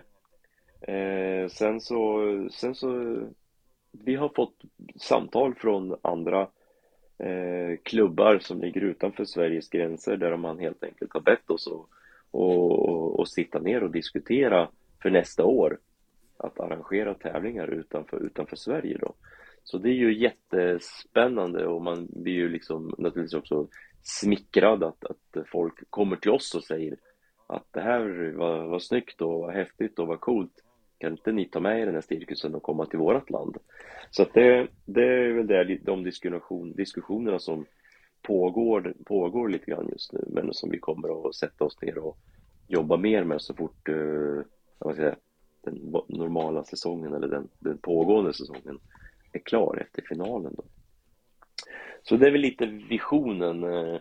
Sen naturligtvis så eh, jättemycket, sen när säsongen är klar, då drar ju liksom då drar ju partnerarbetet igång. En lång, lång lista, dels på befintliga partners, men även sådana här äh, drömpartners som, som vi också vill ha in. För du vet det, jag vet det, alla som lyssnar vet det det här bottnar ju i att hitta en, eh, en finansiell, finansiell plattform, att få medel för att bygga det. Eh, drömmen är ju här att det ska vara gratis att åka Pro Superbike eh, för förarna. Eh, så att vi ska ha så mycket medel så att vi faktiskt kan, kan, kan komma dit. Eh, och i, näst, i förlängningen, ja, prispengar. Fantastiskt. Eh, så att det finns, det finns flera steg i det här, men vi, som jag sa, vi kan inte liksom rusa in och nu sitter jag och pratar om inte vad, vad, vad, jag, vad jag har för drömmar och så vidare. Det är mina drömmar, det är visionen. Samtidigt, liksom, jag kan inte sitta heller och lova för mycket för det blir så tokigt. Utan, men, men det är i alla fall min vision. Det ska vara fritt att köra och att vi ska ha prispengar i Pro Superbike. Och det här var, det var ju din vision med, med Pro Superbike. Vad har STCC för vision? Vad, vad är deras eh, nästa steg i, i deras satsning? Nu börjar vi närma oss någonting väldigt spännande tycker jag. Eh, STCCs vision är ju att göra produkten eller förarna av fordonen elektriska. Precis, det var, det var precis dit jag ville komma nämligen. För, för visst är det så att från och med nästa år så kommer det bli elektriska bilar eller batteridrivna bilar? Ja, Ja, precis så är det. Eh, och eh, det, här kan vi, det här kan man prata om hur länge som helst, Andreas. Så det här, eh, här tror jag det finns minst två läger. Ett som säger ja och ett som säger nej. Men sen finns det nog väldigt många mittemellanläger också som säger kanske eller om utifall att och så vidare. Och när det gäller motorcyklar, eller även när det gäller bilar förstås. Eh, jag tror att på sikt så är det, det finns liksom ingen annan väg att gå. Jag tror att framtiden är elektrisk. När den blir elektrisk för motorcyklar, eh, svårt att säga jag tror faktiskt att den kommer kanske förr än senare. Vi är inte där än. Vi, eh, vi pratar om det. Eh, men om det, jag tror liksom, eh, jag vill inte säga något år. STCC går in i det till nästa säsong. Vi behöver ha något, något år till för att bilarna ligger före motorcyklarna i utveckling. Eh, sen vet vi också, alla eller vet ju, vi läser ju i, på nyheterna att, eh, att eh, Ducati har ju tydligen tagit fram en jättefin hoj som de ska köra med i Moto E till nästa säsong. De lämnar ju då Energica, så vitt jag förstår på det jag läser. Eh, så att det, det, det händer saker där också och det är ju naturligtvis jättespännande att lyssna på vad, vad hur ser Ducati i Sverige på det här? När tror de att det är liksom att vi börjar på att köpa elektriska motorcyklar? Idag så är det ju så att man man vänder sig om på gatan när man ser en elektrisk motorcykel men du vänder ju inte om när du ser en Polestar eller en annan elektrisk bil längre för det är liksom det, det, det är det normala. Jag tror att motorcyklarna ligger något, något eller några år efter. Men eh, att det är framtiden, det är, jag, det är jag helt övertygad om och att det är eh, framtiden även för, för, för eh, motorcykeltävlande. Det är jag också övertygad om. Men frågan är ju när. Precis som du säger där, till, till nästkommande säsong så Moto E-klassen kommer ju som sagt att byta fabrikat. Precis som du säger så kör de ju Energica, har gjort sedan starten och till nästa säsong så blir det ju Ducati istället. Kanske finns ett gäng Energica-cyklar att eh, få loss. Ja, jag känner faktiskt bara en person som är i den där cirkusen. Det är väl, det är väl Stigfeldt, så jag får ringa till honom och fråga om man kan lägga ut ett, ett gott ord. Nej, jag vet inte. Men visst vore det häftigt? Du har ju lovat att du ska börja köra då. Jag, jag ringer till dig och talar om att det är dags att gå över på elektriskt. Ja, då, då, du får ringa så får vi se vart jag befinner mig någonstans i, i livet. Men det är ju många, Sete Gibernau körde ju till exempel um, någon säsong i Moto E i början av i början av ehm, eran. Ja. Nej, men samtidigt så vill jag ju, det är samma sak där, jag, jag, jag vill inte, men jag tror att eh, det vore ju synd om Moto E ska vara för sådana som är, eh, där, där, som har sin säsong bak, eller sin, sin karriär bakom sig. Det måste ju vara liksom det måste ju vara de som är på väg upp som ska, som ska, som ska sätta sig på de här hojarna. Eh, det kan jag tycka är lite tråkigt Exakt. idag i Moto E, att det är de, det är kända namn, men det är ju de som liksom lite grann har lagt eh, hjälmen på hyllan. Eh, jag ser, eh, nu kanske du har annan information än vad jag har, men att jag skulle vilja se lite nya namn, yngre, förmå yngre förmågor som är riktigt vältränade, starka, som kommer med nya sponsorer och, och lite sådär. Så att eh, jag ser inte riktigt att det är så. Där tror jag vi har en liten en förflyttning, en vridning som måste göras. Att, att, eh, att den ska få mera synlighet. Mm, nej, men jag håller med och, och, och så är det ju i motor E till viss del åtminstone, även fast förarna där har nu bytts lite mot yngre förmågor. Men eh, de som kör motor E är de som inte riktigt platsar i Supersport eller i, eh, i motor 2. Eh, undantaget kanske Dominik Jägarte då som, som leder, jag tror han leder båda mästerskapen, jag är inte hundra på Moto E men Supersport VM leder han ju åtminstone. Just det. Men eh, ja, så att eh, nej men den, den, den, den är jättespännande men den, den har liksom inte riktigt börjat vi har pratat lite om det men vi har inte riktigt kommit vidare i, i satt något, något årtal eller sådär utan vi har till och med alltså vi har till och med pratat lite så här att om, om STCC går över till det elektriska så kanske det blir fler som gillar förbränningsmotorer som tycker att eh, Pro Superbike kan vara alternativet som kommer att låta och, eh, och, och, och märka så att vi kanske kan tjäna lite attention på det eh, möjligen så att vi får försöka plocka, plocka det positiva ja, i det här också. Men, eh, ja, ja, men ja. exakt. Ni är mitt uppe i säsongen här nu. Hur många, hur många mm. deltävlingar har ni kvar i år? Vi har ju, vi har ju, en, vi har ju en tävling kvar och det är ju Grand Finale då på, på, på Gelleråsen och eh, som heter Kanonloppet. Eh, som jag personligen, jag är ju uppvuxen i Karlskoga men så att jag kanske är lite partisk. Men för mig så är Kanonloppet eh, det häftigaste under året. Det är eh, jag inbillar mig, jag eh, tror att det kommer vara mest publik. Jag har en otroligt engagerad banägare i Rickard Göransson som lägger ner otroligt mycket energi på att få det här att, att hända. Vi kombinerar eh, STCC och, och Porsche. Så att där kommer vi göra våran, våran final. Och det som är lite roligt här också det är att eh, här kommer ju vi att köra en, en kombinerad SM och Pro Superbike-tävling. Men till skillnad mot eh, Bike Week som vi körde nu och där det var Rule Racing SM och alla klasser och där Pro Superbike var gästade, eller vad ska jag säga, och drev själva Pro Superbike-racet. Eh, så blir det lite tvärtom här på, på kanonloppet. Det blir det så att där kommer övriga SM-förare, övriga Superbike SM-förare. Så att här blir det STCC, det blir Porsche, det blir någon mer supportklass. Sen blir det Pro Superbike med alla superbikeförare för det blir SM-status på den tävlingen. Eh, men då, då, kommer liksom, då kommer inte Supersport 300 och Superstock och de andra supportklasserna vara med. Så att det, blir, eh, det, blir ett, eh, det blir ett unikt eh, koncept på det sättet. Eh, så det blir också väldigt kul att få testa och få med, få med alla förare in i det här Pro Superbike-konceptet då, så att alla får vara med och känna på lite hur det är att åka med bilklasserna och allting som händer runt omkring. För det är ju så mycket mer än bara själva racingen som jag, som jag var inne på lite tidigare då med olika uppvisningar, familjehörnan med hoppborgen och det blir kanelbullebakning och, och alltihopa. Så det är så mycket mer som händer på en sån här arena. Det ska bli kul att få, få eh, de andra, ja, gänget, de andra förarnas eh, syn på det här också. Och vilket eh, datum körs kanonloppet? Vi kör kanonloppet, då är det 19 till 20 augusti. Eh, STCC har ju valt att, och det är en fredag och en lördag. Till skillnad mot de traditionella SM-tävlingarna som vi kör så har det väldigt ofta varit lördag-söndag.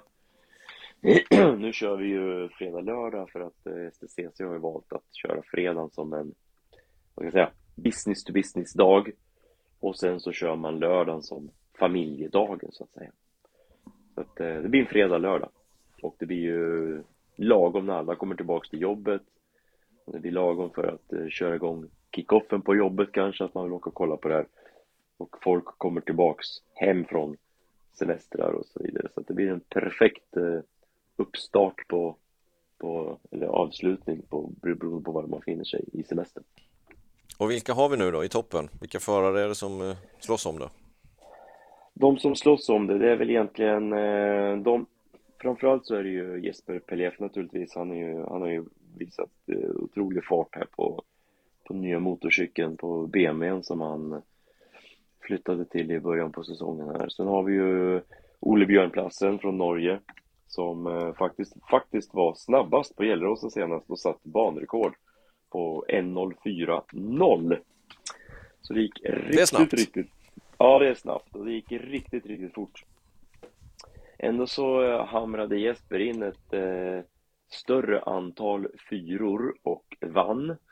Eh, eh, och, eh, men eh, Ole Björn var otroligt eh, tajt på. Och sen har vi ju ett par, par norrmän till då, så dels har vi ju eh, Jonathan Lycke, Nässjön, som, är, som var trea sista racet. Och sen så har vi som jag nämnde tidigare Fredrik Ommedal, ytterligare en norrman. Eh, sen har vi lite svenska förare som fyller på ytterligare då, så ser vi framförallt då Jimmy Gällros, vi ser Nils Jadermark eh, och sen så, sen så kommer faktiskt ett helt koppel. Jag tror vi hade åtta förare som låg inom samma sekund. Så vi har toppen som, som, som, som, som är tre, fyra, fem stycken. Och sen så kommer ett riktigt, riktigt härligt pärlband med förare som princip, i princip levererar eh, racing inom samma sekund. Så det, det pågår mycket fighter i, i hela, hela, hela, hela gänget. Men, men jag ser väl kanske fyra och sen så har vi Fredrik Ommedal, Norge då, som, är, som blir den femte där som, som, är på, som, som är på väg i fatt och som har en väldigt spännande utvecklingskurva. Eh, och eh, jobbar mycket med inställningarna vet jag. Eh, som jag tror också kommer att... Eh, jag tror inte att han kommer upp till Jesper och, och Olbjörn Lyckes nivå riktigt men Men han och Jimmy Elros kanske ligger precis, precis eh, skiktet under då. Och sen kommer, kommer resten under där. Så att vi har, ja, men vi har bra liksom. Jag trodde jag kanske att inför säsong trodde jag kanske att, att Jesper skulle leva, spela i en egen division. Men det gör han inte. Utan vi har, vi har bra racing. Vi har Ole Björn som bjuder upp ordentligt och som, som, som sagt hade den bästa varvtiden nu på Gelleråsen senast. Eh, vi har ett bra startfält vill jag säga. Sen så, sen så har vi ju, jag menar idag så har vi ju även en, en kille från, eh, från Danmark. Jan Hedegård Jensen. Jättekul.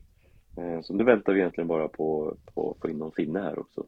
Som jag, jag har lite diskussioner med några olika finnar också som är, som är nyfikna, som, som spejar på oss och, och vad vi håller på med här i, i, i Sverige från, från andra sidan eh, Finska viken. Ja, men. Spännande final som väntar helt enkelt. Och visst är det två hit man kör, eller till och med tre kanske?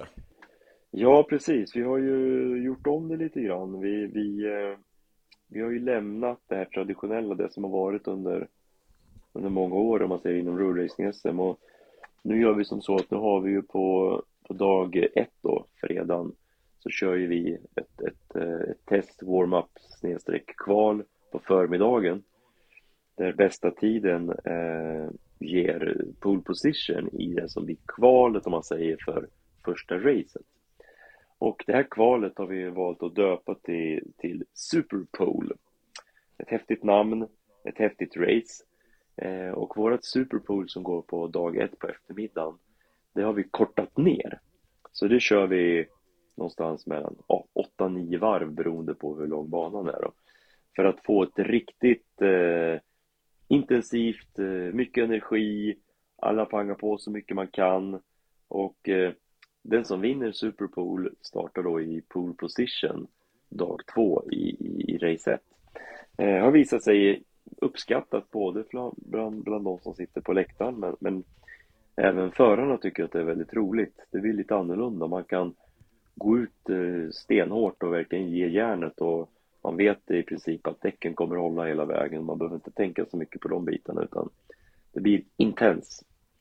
Så att eh, det är liksom vårt kval, kvalförfarande till, till racet då, eh, dag två. Och sen så kör vi dag två så kör vi två race. Vi kör race ett före lunch och race två efter lunch. Så att eh, vi kör två race då dag eh, två helt enkelt. Så det är lite nytt, eh, det är lite ny setup jämfört med hur, om man säger det, traditionella eh, roadracing SM har varit. Och här skulle jag vilja, vilja ge också en, en liten eh, ett tack till, sen ett tack till Svemo som också har varit väldigt bra i de här diskussionerna. För vi måste ju också ha med oss dem i diskussionen när vi gör, gör de här förändringarna och man ändå varit nyfiken på att, att, att utveckla det här. Så att nu kör vi ju det här konceptet både när vi kör med STCC och när vi kör med, med det vanliga SM så att säga. Så, att, eh, det, blir, så det blir lika över hela, över hela säsongen. Så det är kul att eh, Svem också är med här, verkligen. Spännande final alltså, som väntar om eh, ja. lite drygt två och en halv vecka. Ja, två och en halv vecka. Ja. Så just nu så är det Just nu så är det massor med arbete som pågår i, i, i kulisserna här med skyltar och nya beachflaggor och t-shirtarna ska tvättas och ja, du vet hur det är när man driver cirkusen. Ja då, ja då. Ja. Men vi får, vi får hoppas på en, en spännande avslutning eh, på säsongen och tack Robert för att eh, du var med i eh, MotoGP-podden. Tack så mycket, kul att vara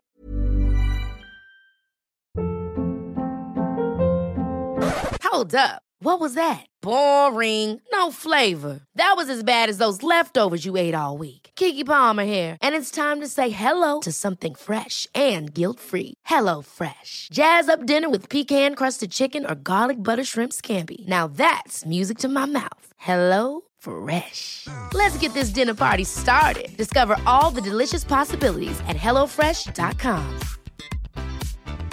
I'm Sandra, and I'm just the professional your small business was looking for. But you didn't hire me because you didn't use LinkedIn jobs. LinkedIn has professionals you can't find anywhere else, including those who aren't actively looking for a new job but might be open to the perfect role, like me.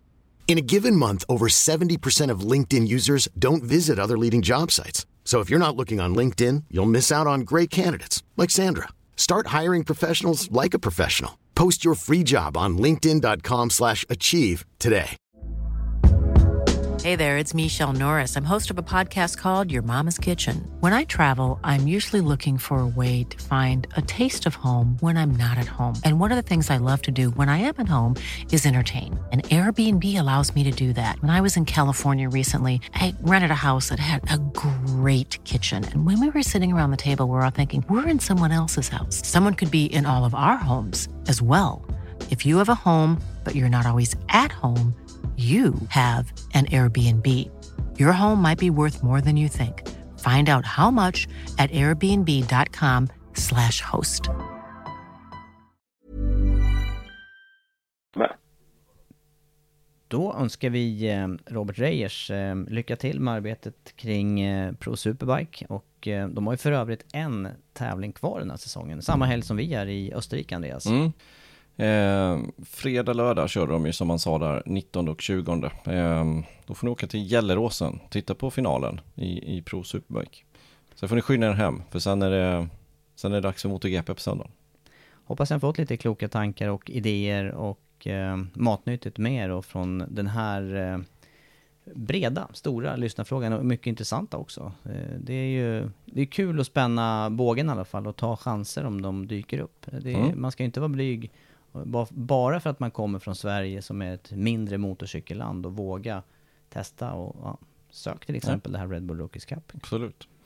Hoppas vi kan få med oss eh, någon aktiv som kanske är på väg in i den, den bubblan i MotoGP-podden. Det vore jätteintressant. Då stänger vi den punkten tycker jag och eh, tittar lite framåt här och eh, under veckan så har det ändå börjat trilla in lite mer eh, nyheter även om de inte är så många. Det är mycket snack om vad förarna, statusen på förarna inför eh, andra halvan på mästerskapet och nu har ju i alla fall alla fått en bra chans att vila upp sig, en bra chans att kanske läka vissa skador man har haft och eh, ta nya tag inför hösten. Men den, den den nyhet som ändå har gått att sortera ut här, det är att man faktiskt har bestämt ett eh, datum och en bana för nästa års säsongspremiär. Och det blev lite oväntat, eller vad säger du Andreas? Ja, det måste jag säga. Eh, väldigt oväntat. Eh, det har ryktats om och jag trodde nästan själv att nu kommer det bli Phillip Island som säsongspremiär. Men så blir det inte. Det blir Europapremiär istället. Mm, det blir det. Det blir i Portugal. Och ehm, jag såg det första gången så bara Portugal, okej. När, när tänkte de köra det här? För det, i år drog säsongen igång 6 mars. Så jag tänkte 6 mars i, Port, i Portugal, i, i Portimao, det, det, kan bli, det kan bli kallt. Och sen så fick jag se datumet, då är det alltså 24 till 26 mars. De har flyttat fram det tre veckor jämfört med hur det har varit de senaste säsongerna. Kan vi Och- förvänta oss en, en tajtare kalender? eh, Exakt, då kan vi året. förvänta oss en väldigt tajt kalender skulle jag vilja säga om man, eh, om man skjuter fram det så. Eh, Nu, nu kan man ju göra det, flytta fram även finalen. Finalen ligger ganska tidigt i år, i början på november ligger ju finalen, jag tror det är 6 november. Och det är ju för att den ska inte dra ut för långt på tiden för att det är fotbolls-VM. Samma sak med Formel 1. Eh, Så ja, det är möjligt att man gör på det sättet, annars så blir det en tajt, tajt kalender med långt 6 november, alltså till 24 mars. Långt vinteruppehåll. Ja, det blir det. Jag tyckte Men- de här fem veckorna var tillräckligt alltså. Och lite testande är det också med eh, nya reglementer som drar ner antalet testdagar igen och Och de ska testa under veckan innan det här racet. Tycker jag också var lite intressant. Faktiskt.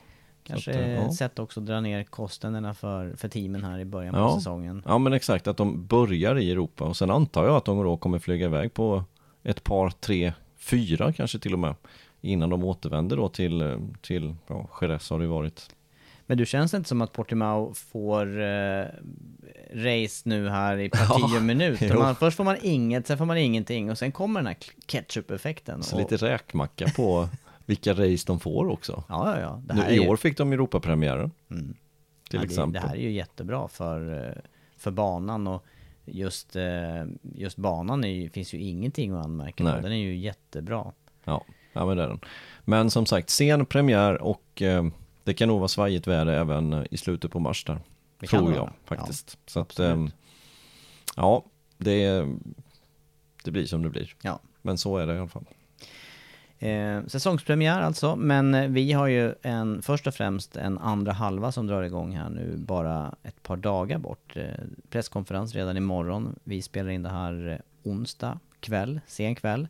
Och eh, det kan vara svajigt väder även i Storbritannien den här tiden. Det är Silverstone alltså, längsta banan på kalendern. Eh, där eh, mästerskapet nu fortsätter. Hur, hur ser väderprognosen ut för helgen för det första? Ja, steg ett så har de ju flyttat det här racet. Det brukar vara i slutet på augusti. Eh, och eh, nu har man lagt Red Bull Ring lite senare istället. För det brukar ju vara vid den här tiden. Det brukar vara återstarten. det brukar vara Red Bull, eller har varit senaste åren Red Bull Ring. Nu blir det alltså Silverstone och det blir alltså redan till helgen. Så att väderprognosen ser bra ut. Fredag 20 grader, mestadels sol. Likadant egentligen på lördagen och sen strålande sol på, på söndagen och lite varmare, 24 grader. Så att det ser bra ut med väderprognosen och det är väl tur det. Mm. Ja, för att det har ju varit allehanda väderförhållanden på den banan och eh, också svårigheter då med, med, regn och blåst. Banan i sig, som sagt var längst, längst sträckning på kalendern. Hög snittfart, nästan 100, inte 180 fullt ut, men 175 ungefär ligger snittfarten på. Eh, och eh, flera olika fabrikat som har varit, det känns som det är en bana som utjämnar skillnader mellan mm. motorcyklarna. Den har ju någonting av allt, känns det som. Eh, och den ehm, det är ju en av eh, favoritbanorna för, för många utav förarna. Dessutom i och med att den, det är en full stor bana. Det är, ingen, det är ingen liten bana utan den är verkligen, de får sträcka ut de här cyklarna ordentligt. Tre riktigt långa raksträckor också. Ja. Så att, eh, ja bara det. Och eh, förra året där, då var det ju Quartararo som vann före Rins. Trea var Alicia Spargaro, pallplats alltså för Aprilia där. Finns det någonting som... Och det var ju succé förra året för just Alicia Sparger med pallplats. Det hade ju inte skett innan. Så att eh, där kom ju liksom genombrottet på ett sätt. Så att, ja. Och de, Intressant resultatlista från förra året. För när man tittar på det här så är det precis så som jag tror i år också. Plus Banjaya. De fyra tror jag på. Vilken ordning, ingen aning. Men, men det känns som att de de fyra kan vara med och slåss. Och då är det fyra fabrikat också. Ja. Det är ju också en eh, spännande situation att ha fyra förare som, som man tror kan prestera väl. Eh, och så sitter man på så pass olika maskinmaterial som de ändå gör. Mm. Eh, mästerskapet då, det är fortsatt ledning för eh, Quartararo. Och eh, hans ledning minskade ju med misstaget på assen innan sommaruppehållet. Och den kommer han få betala för ytterligare den här helgen som kommer. Mm, kommer få. Det är långa penalty som man ska, ska ta. Och um, ja, jag vet inte riktigt om det kommer, det är klart att det kommer påverka, men jag skulle säga att han har en segerchans ändå faktiskt. Eh, för vi vet när, när han väl prickar rätt, då, då är han vass. Problemet för hans del är att den här, den här bestraffningen ska tas ganska tidigt i racet. Och då blir det lite mer problem för hans del. Fler omkörningar. Fler omkörningar.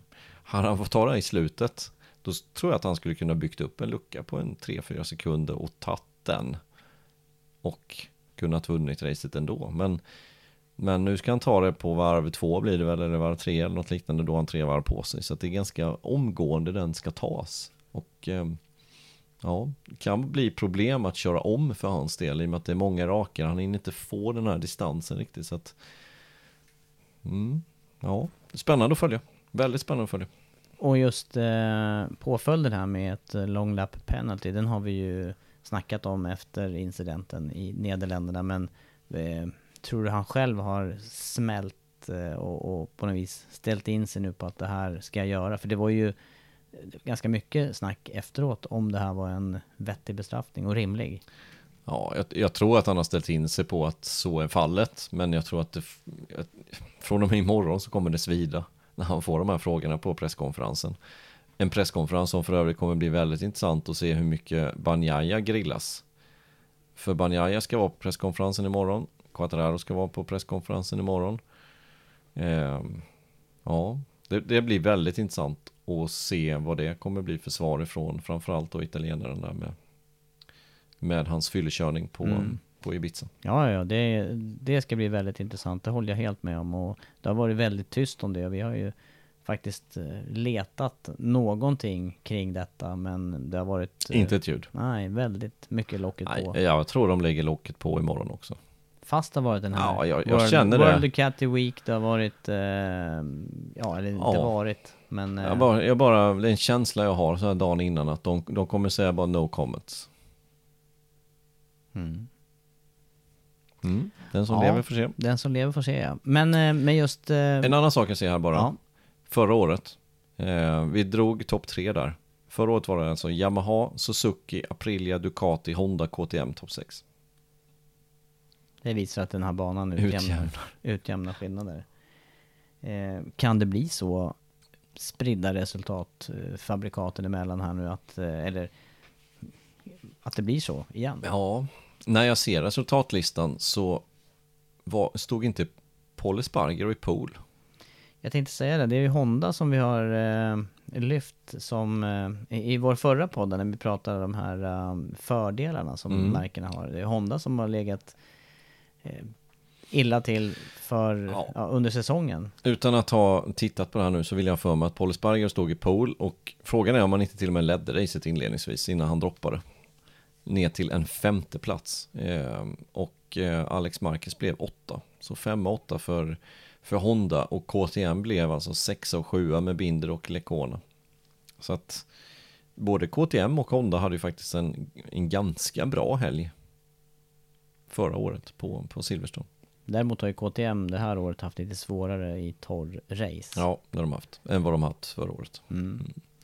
Men du, i mästerskapet då, Quartararos VM-ledning, den är eh, 21 poäng till eh, Aleix Espargaro. Sen är det ett hopp till eh, Sarko som är trea i sammandraget, 58 poäng efter. Det är alltså Quartararo, Espargaro, Sarko 1, 2, 3. Mm. Sen är det lite tätare, sen är det 8 poäng ner till Banjaya som tog in många poäng med sin seger senast passen och när eh, Quattararo gjorde bort sig. Eh, det bjöd in honom lite i mästerskapet igen för han var ju egentligen innan Assen så var det ju nästan uträknat från Banjayas sida. Men, men som sagt, det var 25 viktiga poäng för hans del. Och även Sarko gjorde ett dåligt race. Ja, det gjorde han. Så det gör ju också att eh, Bagnaia är närmare i sammandraget där. Men det är ändå 66 poäng då från Banjaya till eh, Quattararo.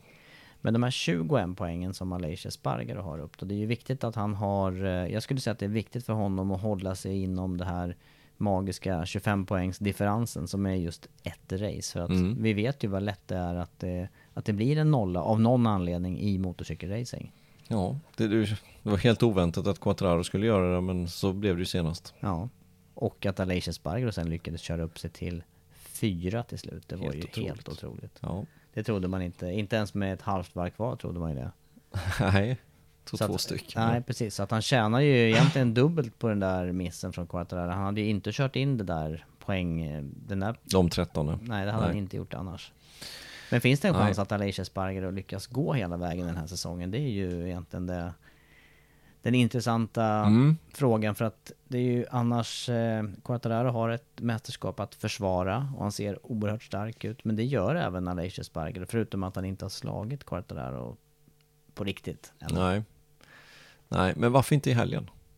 Som sagt, pallplats här förra året. Det betyder att Aprilian funkade bra redan då. Och den är ju betydligt bättre i år än vad den var förra året. Ja, varför skulle han inte kunna vinna i år alltså? Ja. Jag tror han skulle kunna vinna på söndag. Ja, det- det, det- vore, det- vore roligt om man håller liv i mästerskapet eh, Det håller jag med om. eh, en bra stund till här och det, det skulle ju vara riktigt eh, trevligt om det gick hela vägen tycker jag också. Det med tanke på lång och trogen tjänst på något vis. Mm. Det visar också att, att trägen vinner, att det går att, eh, att eh, köra många år och sen så på något vis ta sig hela vägen. Eh, det är, det är, efter halva säsongen ser det onekligen lovande ut. Det gör det. det, gör det. Eh, när jag tänkte på Silverstone nu helt plötsligt så fick jag en tanke på en krasch som Marcus gjorde. Marcus gick omkull, drog med sig Martin ut i gruset förra säsongen på första varvet. Och det jag tänkte på var Marcus. Det har, det har kommit faktiskt lite uppdateringar från Mark Marcus, lite sociala medier, inlägg och så vidare. Och det är positiva signaler från Spanien, tycker jag. Eh, idag senast så såg jag någon bild när han eh, simmade. Bara en sån sak med en axel och arm som krånglar. Eh, det, jag, jag tycker det ser, vad man kan tolka, så tycker jag det ser lovande ut. Faktiskt för Mark Marquez. Det är bara att hoppas. Eh, och Frågan är då när det kan vara aktuellt med en comeback. Om han eh, har i huvudet att försöka komma tillbaka till någon racehelg i slutet på den här säsongen redan. Eller om han Det tror jag. sparar sig Det, till... det tror jag. jag. Jag tror att han vill vara tillbaka till slutet av den här säsongen. Om det nu går bra, om det går så bra som man kan tolka de här inläggen. Man ska ju vara väldigt försiktig med att tolka inlägg på sociala medier. Men, men eh, om man nu eh, vågar sig på det ändå så eh, tycker jag det ser positivt ut. Ehm, och han ska ju på en ny kontroll här om cirka tre veckor. Jag har för mig att det var den veckan när vi är på Red Bull Ring. Eller om det möjligtvis var veckan efter som det är, det är en ny kontroll.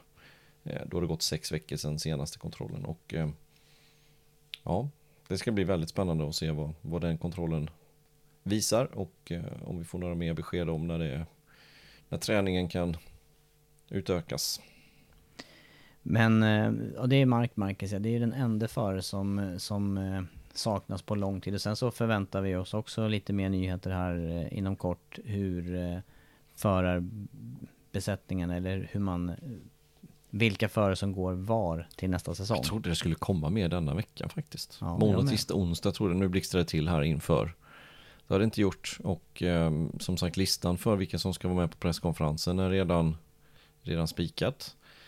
Kan ju ske ändringar där, det, det gör det ju om det är någon som har något speciellt att berätta eller som har signat precis. Så att vi får väl se då om det kommer under helgen. Det finns ju några viktiga spelare kvar.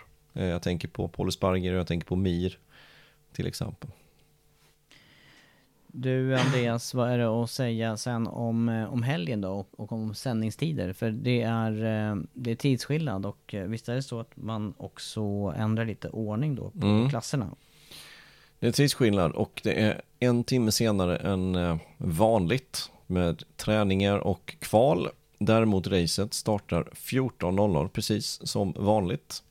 Eh, Det är 13.00 lokaltid så de har tidigare lagt det med en timme. eh, eh, Engelsk tid helt enkelt. Så att eh, 10.45 är det som gäller. Mm, Då är det FP1 på fredag. det är snart. Det är snart. Det ska bli kul att, att dra igång igen. Och, eh, och ändrad, ändrad ordning där på söndagen också. Moto 3 först, sen är det MotoGP och så avslutar Moto 2-racen under, under söndagen. Mm. Ehm, är det någonting mer du vill ha med i det här avsnittet Andreas? Nej, det här blev en lång podd. Återigen. Eh, det får vara bra där. Vad skönt. I så Ja. fall så önskar vi såklart att ni lyssnar på det här och att ni också hänger med oss under helgen då ifrån Silverstone. Och tack till alla som stöttar oss. Jättekul. Se aktivitet lite överallt. Det tycker vi är roligt. Stort tack. Det gör att vi kan hålla igång den här långa, långa podden. Men nu blir det paus och så hörs vi på fredag 10.45 på V-sport Motor och Viaplay. Tack för oss.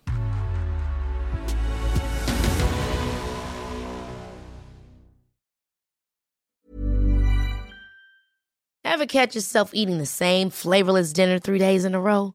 Dreaming of something better? Well, HelloFresh is your guilt-free dream come true, baby. It's me, Kiki Palmer. Let's wake up those taste buds with hot, juicy pecan-crusted chicken or garlic butter shrimp scampi. Mm. Hello Fresh. Stop dreaming of all the delicious possibilities and dig in at HelloFresh.com. Let's get this dinner party started.